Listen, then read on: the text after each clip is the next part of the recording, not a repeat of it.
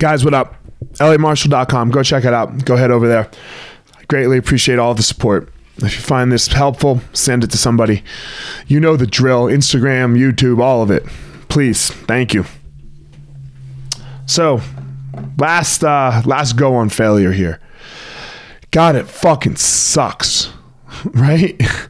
God, it sucks.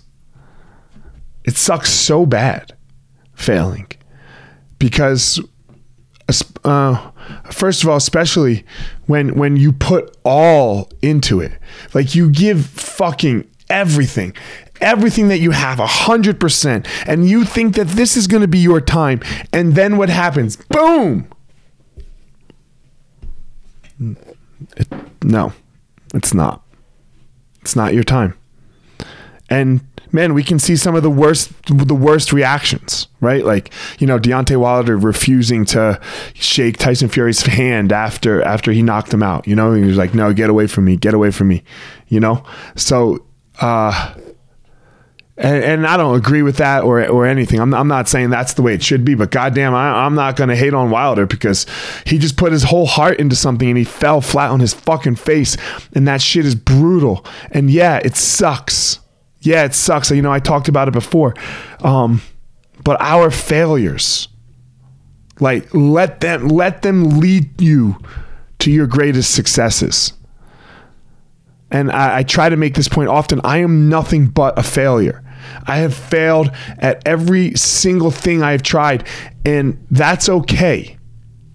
That's okay. It has led to success in some way. I don't know how, but it really has. I'm, this, I'm the luckiest human in the world. I get that. And it feels that way, but you can be too. You can be too is what is what the true message message is. Keep going. Keep looking at the failure in the face and keep getting up off the canvas. If you get up, if you get yours, there, there is no 10 count. The 10 count comes when you are dead or when you quit, but there's no actual 10 count. You know, there's no ref there to count you out or to call the fight off. Just get up. It doesn't matter how long it takes you. Get up. You get up and you go, you can do it. It's there for you. All of it, success is there, staring right at you in the face after the failure. It might not even be what you were trying to be successful at that you then get to be successful at. You're not starting from scratch. You're starting from all this history, all this learned, all this learned knowledge, all these things. Don't get counted out. And there's only one way you can get counted out, and that's if you quit on you. Don't fucking quit on you. Get up, get off the canvas. You can always do it.